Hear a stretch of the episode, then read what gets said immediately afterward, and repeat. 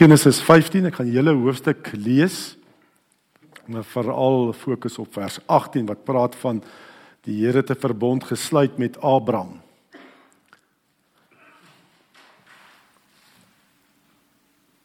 Ja. Genesis 15 vanaf vers 1. Hierna die woord van die Here in 'n gesig tot Abraham gekom.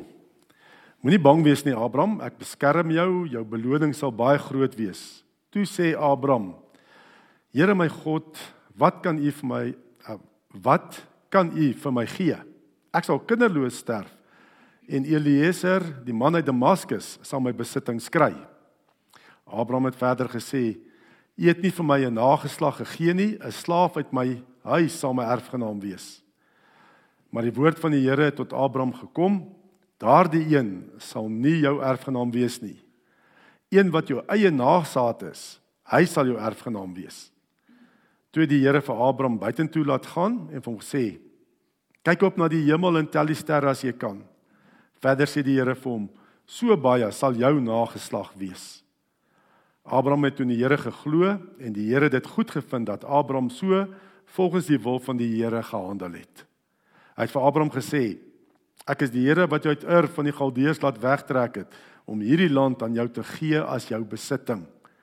Maar Abraham vra: "Hoe sal ek weet dat ek dit sal besit, Here my God?" Toe beveel die Here hom: "Bring vir my 'n vers, 'n bok en 'n skaapram, almal 3 jaar oud en 'n tortelduif en 'n jong duif." Abraham het alles vir die Here gebring en dit middeldeur gesny. Hy het elke helfte teenoor die ander helfte neergesit. Die voëls het hy nie verdeel nie. Die roofvoëls het op die karkasse begin toesak, maar Abraham het hulle weggejaag. Teen sononder het 'n diep slaap Abraham oorval. Angs, 'n groot donkerte het hom oorweldig. Toe sê die Here vir Abraham: "Weet beslis dat jou nageslag nageslag vreemdelinge sal wees in 'n land wat nie aan hulle behoort nie. Daar sal hulle slawe wees en onderdruk word 400 jaar lank. Maar ek sal die nasie straf wat van jou nageslag slawe maak en dan sal hulle met baie besittings wegtrek. Jy sal in vrede sterf en op 'n hoë ouderdom begrawe word. Die vierde geslag na jou sal hiernatoe terugkom. Dan eers sal die ongeregtigheid van die Amorite sy volle maat bereik het. Toe die son ondergegaan het en dit donker was, gaan daar skielik 'n oond wat rook en 'n fakkel wat brand tussen die stukke vleis deur. Op daardie dag het die Here 'n verbond gesluit met Abraham en hom gesê: "Aan jou nageslag gee ek hierdie land van Egipte spruit af tot by die Eufraat, die groot rivier, die land van die Keniete, die Kenesiete en die Kadmoniete en die Hetite en die Feresiete en die Rafaite en die Amorite en die Kanaaniete." Die Gergasiete en die Jebusiete. Ja, ons gaan vra kyk, ehm um, vers 18 se begin op daardie dag het die Here 'n verbond gesluit met Abraham. Ja, ehm um, verbond, nê, nee, dit is 'n konsep wat redelik algemeen in die Bybel voorkom. Op verskeie plekke lees ons van die verbond. En om regtig die oosterse verbond te verstaan. Dit is belangrik dat ons die konsep van die oosterse verbond sal verstaan. Want dit is die verhouding wat die Here met ons het. Hy het 'n verbondsverhouding met sy kinders. Nee, as ons regtig ons verhouding met God wil verstaan, moet ons weet wat beteken die verbond. As ek my redding wil verstaan, moet ek ook weet wat beteken die verbond. Ons praat ook die huwelik is 'n verbond. Die huwelik is nie 'n kontrak nie, dis 'n verbond. En wat beteken dit? Dit bepaal ook my huwelik. Die dis 'n verbondsverhouding. Ag ook autoriteit wat die Here aan ons gedelegeer het, nê, nee, is ook op grond van sy verbondsverhouding met ons. En dan weet ons ook die nuwe verbond in Jesus, nê, nee, is gegrond in die Ou Testamentiese bloedverbond. So wat is die verbond? Wat beteken 'n verbondsverhouding? Ons moet dit weet. Ons moet daai konsep verstaan. Ek het so 'n paar jaar terug het ek so gekyk na so 'n dokumentêre reeks van Israel En baie Jode sê dis 'n die ding die dokumentêre reeks se naam is Against All Odds. En baie Jode het gesê I'm not religious but I know there's a covenant. Die Jode weet dit. En ons weet dat wat daar aangaan daar in die Midde-Ooste tussen Israel en Palestynë nê, raak nie net daai twee klein plekkies nie. Dit raak die hele wêreld. Dit is amper of die wêreld vrede afhang van wat aangaan daar in Israel en Palestina. Net dis 'n covenant. Daar's iets groters aan die werk daar in Israel. En Abraham, as ons hierdie gedeelte lees in Genesis 15, kry ons nie hier te doen met 'n geloofsheld Abraham nie. Nee, ons kry eintlik met 'n gewone mens te doen wat ook baie keer twyfel in sy pad saam met die Here. Nee, daar's hy's maar twyfel oor die beloftes wat die Here al vir hom gegee het hier van Genesis 12 af, nee. Hy begin wonder oor daai beloftes en sê, ja, my my slaaf Eliezer, hy sal seker maar my nageslag wees nie. Hy sal alles erf in al die goed. So hy twyfel. En ehm um, maar dan kom die Here. Hy kom versterk vir Abraham. Sê kyk, kyk na alles, die sterre. En die Here kom versterk vir al sy beloftes wat hy aan Abraham gemaak het, kom versterk hy deur 'n verbond te sluit met Abraham. Sterke belofte. Um, ons gaan nou 'n bietjie kyk na die verbond. Dit is sterker as net wat ons ken eintlik. Hier op aarde, kontrakte en die tipe goeders. Hy kom bevestig sy beloftes van 'n nageslag en 'n land deur 'n verbondsluiting met Abraham. En ons moet ook nie baie keer, weet ons kan dink baie keer die Here is so kwaad vir ons as ons twyfel. Maar ons sien eintlik die Here kom hy en hy ondersteun vir Abraham as hy twyfel. Nee, as hy sy geloofspad stap. So die Here is nie hy hy's nie veroordelend as ons twyfel nie. Dit is eintlik net gelowiges wat kan twyfel oor die Here se beloftes, nê? Nee? As jy nie gelowig is, gaan jy twyfel oor die Here. Dit gaan nie eers jou raak nie. Die Here verstaan ons meer. Het meer simpatie en ondersteuning in ons as wat ons baie keer gee vir ander mense en vir medegelowiges. God kom en hy ondersteun en hy versterk sy beloftes aan Abraham. En ehm um, hy bevestig dit met 'n verbond. Nou wat is 'n bloedverbond as ons dink aan 'n Midde-Oosterse bloedverbond?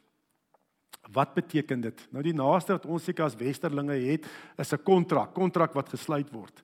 En daar's ouens wat 'n paar jaar gaan studeer op universiteit, nê, nee, om goeie kontrakte op te stel. Nê, nee, om al die skuiwergate te dek en te keer dat ouens tog net hulle woord kan hou. En dit is so jammer dat vandag so gaan. Mense verbreek hulle woord sommer net so. Dit's maklik. Daarom moet jy gaan studeer om 'n ordentlike kontrak te kan opstel. Weet jy, in die ou dae So sê die ou daar, weet nie wanneer is die ou daar nie, maar jare terug, nê, nee, was 'n man se woord was sy eer gewees. As hy gesê het hy sal iets gaan doen, dan sal hy dit doen en veral as hy met 'n handdruk dit bevestig het, nê, nee, dan weet jy hy gaan dit doen. Vandag is dit amper of dit nie meer so is nie. Jy weet jy sal enigtyd jou woord, nou sê ek jy, nê, nee, oor die algemeen, breek mense hulle woord. Net as iets ongerieflik is, dan sal hulle sommer hulle woord breek. Daar's nie meer eer in hulle woord nie. En daarom moet ons gaan studeer om kontrakte op te stel. En moet ons ouens betaal wat gestudeer het om die kontrak vir my op te stel. Dat 'n ou tog net sy woord hou aan my en dat ek my woord ook sal hou. Daar's 'n groot verskil tussen 'n kontrak wat ons dit ken vandag as westerlinge en 'n bloedverbond. Bloedverbond is baie sterker. Genesis 15 vers 18 staan daar op die dag het die Here nê en die Hebreëse woord naam van die Here is Jahwe dis sy verbondsnaam dis sy eie naam. Met Abraham 'n verbond gesluit. Maar 'n verbond eintlik staan daar letterlik 'n verbond gesny want 'n verbond word gesny dit is 'n baie sterk verbintenis. En dit word dit gaan gepaard met diere wat opgesny word of selfs wat twee manne mekaar of weet twee persone 'n verbond sny met mekaar nê dat hulle hulle arm sal oopsny dat daar bloedvloeiing is die een die ander se bloed kan drink. Sê so en dis waar die term bloedbroers vandaan afkom dis van van verbondsluiting. Ons is bloedbroers. Nou ek is baie gevaarlik om met enigiemand 'n verbond te sny. Eintlik sê die Here moet net twee verbonde wees. Dis met hom met jou huweliksmaat wat ook verseël word met bloedvloeiing Ehm um, maar met 'n verstandigheid bietjie kyk na die die die oosterse, Midde-Oosterse uh, bloedverbond om dit net te verduidelik, jy kan verstaan wat God hier met Abraham gesluit het, nê, en met Abraham en sy nageslag, hy word genoem die vader van al die gelowiges in die nuwe verbond, nê, in die Nuwe Testament. Nou dit gaan paart met slag van diere, oopsny van are om bloed te drink.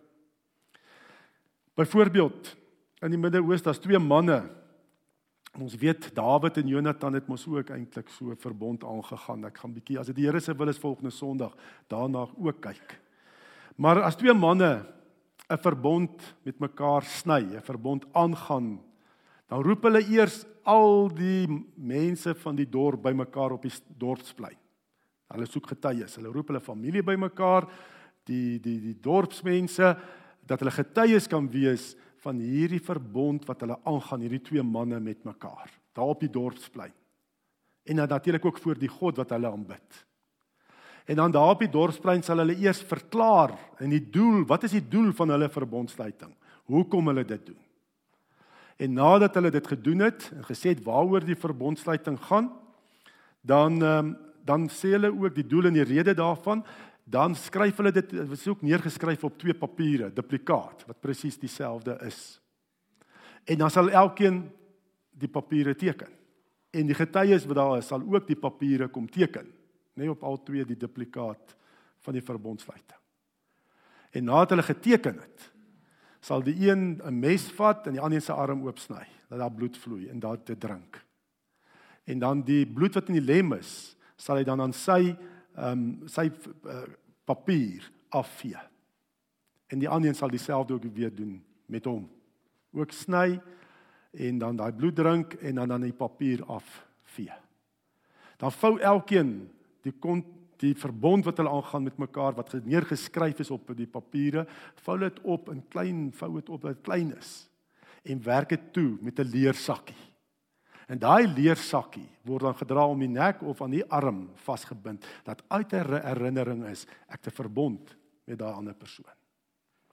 En daai verbond beteken ons twee word een. Jou vyande is ook my vyande. Wat met jou gebeur gebeur ook met my. Ons is absoluut een. En dink ook aan die huwelik. Dis hoe dit behoort te wees in 'n huwelik, nê? Nee. Man en vrou word een funksioneer as een entiteit. En dis wat met 'n verbondsluiting gebeur. Ons word een. 'n Bloedverbond, as ek 'n kort definisie kan gee, is 'n plegtige ooreenkoms gemaak in die teenwoordigheid van die Godheid in wie jy glo, wat alleen ontbind kan word deur die dood. Bloedverbond kan slegs gebreek tot einde kom deur die dood. En ehm um, Dis 'n heilige verbintenis. So vir bloedverbond. Jy sal eerder sterf as wat jy jou woord verbreek. As wat dit wat jy beloof het in hierdie verbond te verbreek. Daai verbond is belangriker as jou eie lewe. So jou woord in daai verbond is belangriker as jou lewe.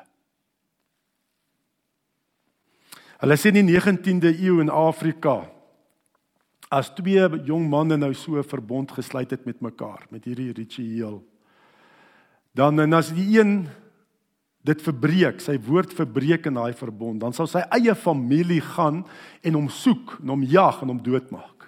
Want hy bring 'n skande oneer op die hele familie. Want 'n verbond raak ook jou nageslag. Dat jou eie familie sal jou vervolg as jy jou woord verbreek En dis hoekom nog vandag in die Arabiese state net dit so erg is wanneer 'n moslim 'n Christen word. Want hulle glo dat hulle in die Islam in 'n verbond staan met Ab, met met um, Allah en met hulle medebroers.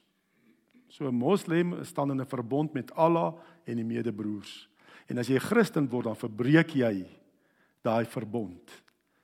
En dan sal jou familie, nê, nee, ons hoor daarvan, eie familie maak hulle dood nê, nee, as iemand kom tot geloof in Christus. Sê jy's dood vir my of hulle stoot hulle heeltemal uit of maak hulle self dood. So sterk is 'n verbond. Dis 'n heilige verbintenis. Ek sal eerder sterf as ek as as wat ek die verbond verbreek. En ons lees ook van hierdie verbond op in Josua, Josua 9, lees ons hoe Josua ook 'n verbond sluit met die Gibeoniete. En dan sien ons die verbondsluiting het niks te doen met die prestasie van die ander party nie. Want as jy nou Josua 9 gaan lees, nê, Israel is nou besig om Kanaan in te neem, die beloofde land. En nou het hulle hulle het al vir Jerigo ingeneem en ook die stadjie Ai. En nou is die die volkere van Kanaan al hierdie Sites nê, nee, klink soos soos wanneer ou uh, wat as as daar uh, ja maar dit, dit klink ja klink so siektes. Uh, nee. Maar al hierdie volkere nê nee, is nou vreesbevange. Want hulle sien Israel is besig om hierdie land in te neem. En die Gibeoniete maak toe 'n baie slim plannetjie. Hulle stuur boodskappers na Israel toe, maar hulle gee vir hulle ou klere, verslete skoene, ou saalsakke, ou brood, ou wynsakke en sê gaan na die Israeliete en sê ons kom van 'n ver plek af. Ons wil 'n verbond sny. Joshua 9 vers 15 staan daar ook in die Israeliete. Die Joshua en die leiers het na die padkos gekyk en nie God geraadpleeg nie en met die Gibeoniete 'n verbond gesny. Net, dis ook verseël met bloed. So hulle plannetjie het gewerk, die Gibeoniete.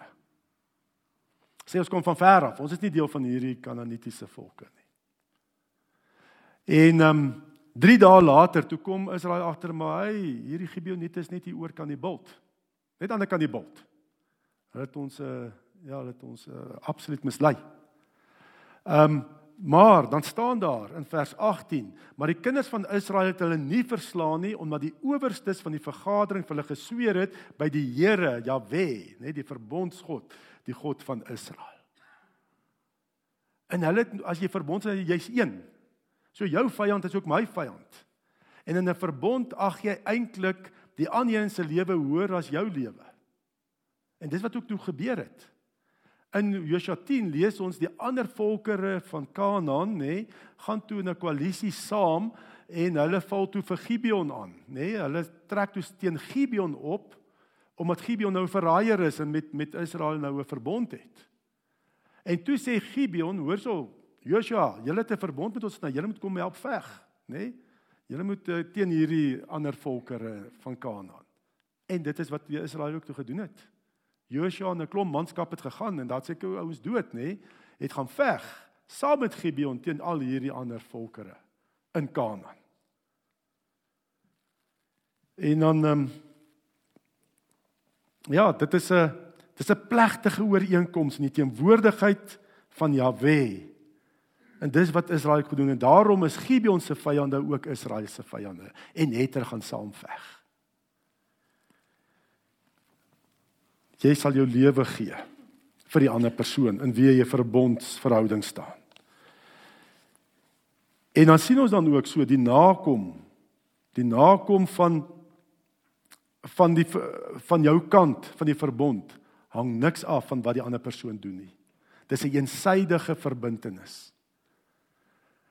Ek, dit maak nie saak wat jy doen nie, ek doen wat ek gesê het in die verbond. Ek kom dit na. En dis wat Israel ook. Gibeon het mislei. Dit maak nie saak nie, maar ons het gesê ons is een. Jou vyande is ook my vyande en ek sal kom help. En dit ek sal my kant on, nakom ondanks of jy jou kant nakom of nie. Dis 'n een eensidedige verbintenis. En so en ons sien ook die effek van die verbond is nie net met die persoon met wie jy verbond sluit nie, dit is ook vir 'n paar nageslagte na die verbondsluiting ook. Want mens lees ook in Dawid se tyd. In 2 Samuel 21 vers 1 en 2. Ehm um, ja, hierso het is uh, Joshua gaan saam veg en dan lees ons paar geslagte verder in Dawid se tyd. En toe daar in die dae van Dawid 'n hongersnood was 3 jaar lank, jaar na jaar, het Dawid die aangesig van die Here gesoek en die Here het gesê: "Van wie Saul en van wie se huis waarop die bloedskuld rus?" omdat hy die Gibeoniete omgebring het. Toe roep die koning die Gibeoniete en sê vir hulle: "Die Gibeoniete het naamlik nie behoort tot die kinders van Israel nie, maar by 'n oorblyfsel van die Amorite." En hoewel die kinders van Israel vir hulle gesweer het, het Saul probeer om hulle om te bring in sy ywer vir die kinders van Israel in Juda. En Dawid moes reggemaak het met die Gibeoniete omdat Saul hulle vervolg het. En Josua paar geslagte terug 'n verbond gesluit het met die met die Gibeoniete. Dis 'n baie ernstige verbintenis, die verbond. Daar's 'n groot verskil tussen 'n verbond en 'n kontrak. As ek dit kan saamvat. Die verbond is eensydig, 'n kontrak is tweesydig. Onvoorwaardelik is die verbond, voorwaardelik is 'n kontrak. Onherroepelik is 'n verbond, herroepelik is 'n kontrak. Onverbreekbaar 'n verbond stop slegs by dood. Kontrak is verbreekbaar. Samevattend kan ons sê kontrak, as jy in 'n kontrak, as jy jou kant van die ooreenkoms nakom, sal ek my kant nakom. 'n Verbond sê ek sal my woord hou en doen wat ek beloof het, ondanks jy jou woord hou of nie.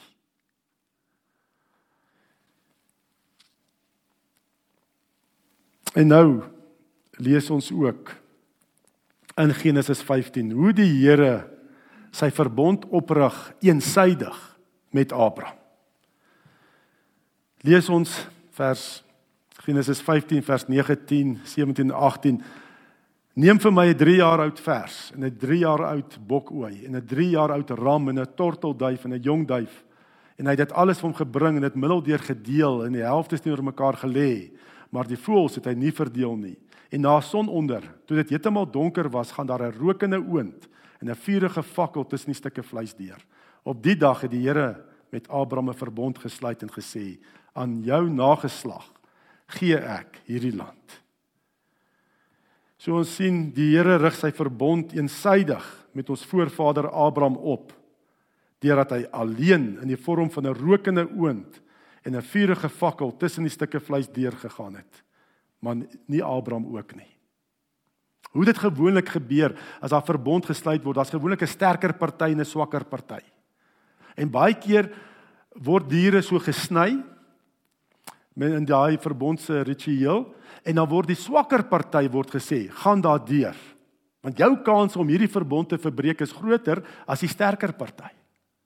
En terwyl daai swakker party so deur die stukke vleis gaan, die diere wat so in twee gesny is nie. Terwyl hy deur gaan moet hy links en regs kyk en sê as jy die verbond verbreek, gaan dit met jou gebeur. Jy gaan so in stukke opgesny word. Dis wat met jou gaan gebeur. En dit is wat uh, Jeremia ook praat daarvan nou ouens wat verbond gesluit en ek sal die manne wat my verbond oortree het, wat die woorde van die verbond nie gehou het nie, wat hulle voor my aangesig gesluit het nie, maak soos die kalf wat hulle in twee stukke gesny het en tussen die stukke waarvan hulle deurgegaan het. Maar wat gebeur hier met Abraham? Wie gaan daar deur? Net God gaan deur die stukke vleis deur. In die vorm van 'n rokende oond en 'n fakkel wat brand. God gaan daar deur. Dit spreek van soveel genade. Die Here het geweet Abraham en sy nageslag sal nie die verbond kan onderhou nie. Hulle gaan die verbond verbreek. Hulle sal nie die verbondseise kan nakom nie. Hulle gaan dit verbreek. En hier kom die Here en sê ek neem julle verbond. Abraham, jy en jou nageslag se verbondsverbreeking neem ek op my. Ek sal die straf daarop dra. Ek vat dit op my. Want dit is my belangrik om hierdie verhouding, hierdie verbondsverhouding met jou te hê dat ek selfs julle verbond, ek sal my kant hou. Maar jou verbondsverbreeking van jou en jou naagslag, Vader van die gelowiges, vat ek op my. Ek sal dit dra. Ek ag jou hoër as my eie lewe. Vir jou en jou nageslag. Jy is belangriker as my eie lewe. Ek sal jou verbondsverbreeking dra en so opgekap word in stukke soos hierdie diere. En dan weet ons hoe dit gebeur. Die kruis van Jesus. Dis waar God toe gekom het. Ek sê ek lê my lewe neer vir julle. En my lewe kan my liggaam word opgebreek, nê? Nee? Jy weet hoe hy geslaan is, Jesus. Stukke vleis uit hom geruk is. Sy bloed gevloei het daar aan die kruis. Hy vasgespijker is aan die kruis. En waarvoor is dit? vir jou en my se verbondsverbreeking. Ons nie nakom in die verbond wat ons behoort na te kom nie. Het Jesus gevat op hom. En hy daai nuwe verbond verseël met sy bloed.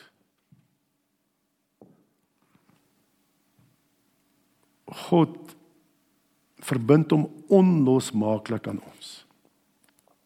Hy doen alles. Dis eensydig, is alles net van hom af. Ons kan net ja sê, Here. Dankie, Here. God is ons Vader in Christus. Hy beloof dit vir ons. En ons is sy diergekoopte kinders. En dan daai verhouding wil die Here ook vandag weer kom bevestig ook.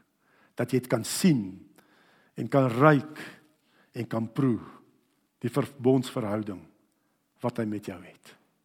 En dit doen hy nou in die nagmaal. Wat ons nou gaan vier. Dat die Here sê ek is jou Vader. Jy's my diergekoopte kind. Niks kan dit verander nie. Niks kan dit nie verander. Ek is almagtig. Jy's in my hande. En ek sal vir jou sorg as my kind. sien dit nou ook as die brood so gebreek word. Hoe ek in stukke gebreek is ook vir jou, verbondsverbreeking. Die wyn sien hoe my bloed, hoe my bloed dit verseël het hierdie verhouding wat ek met jou het deur my seun Jesus Christus. sien dit, proe dit, ruik dit. En ehm um, as ons dan ook nou die nagmaal saam gebruik.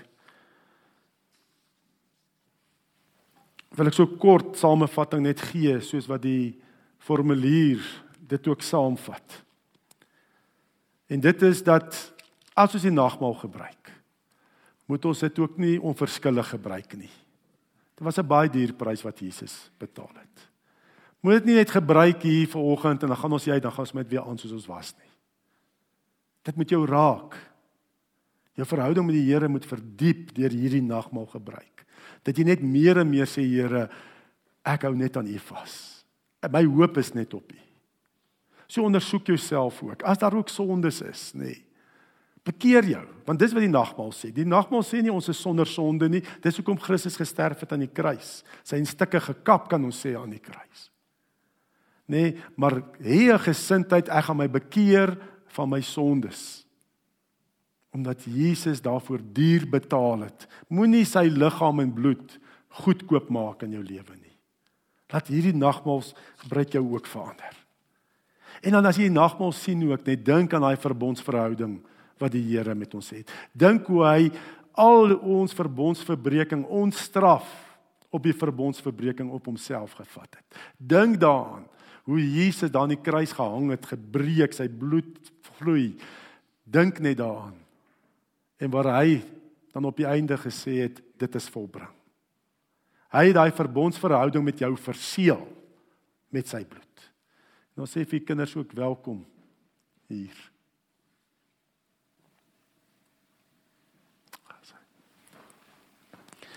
En ook as ons ook so saam die nagmaal gebruik, weet dan ook net nê, nee, ons is een.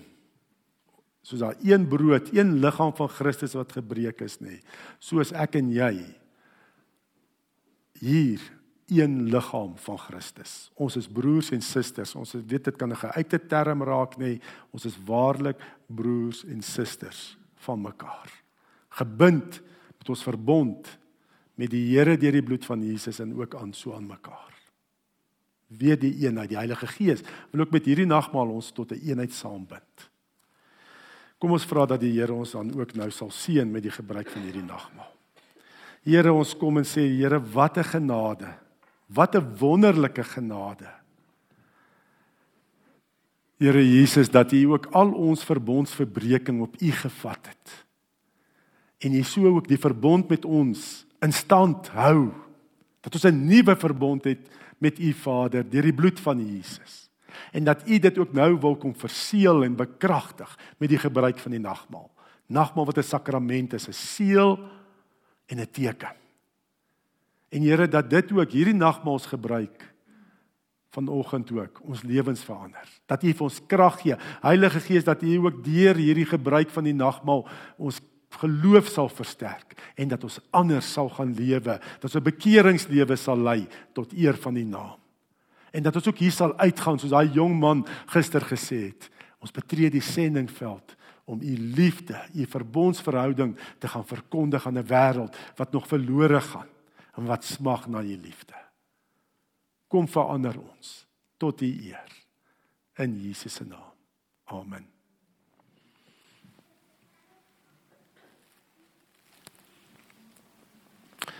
Is die 12 artikels op die ja.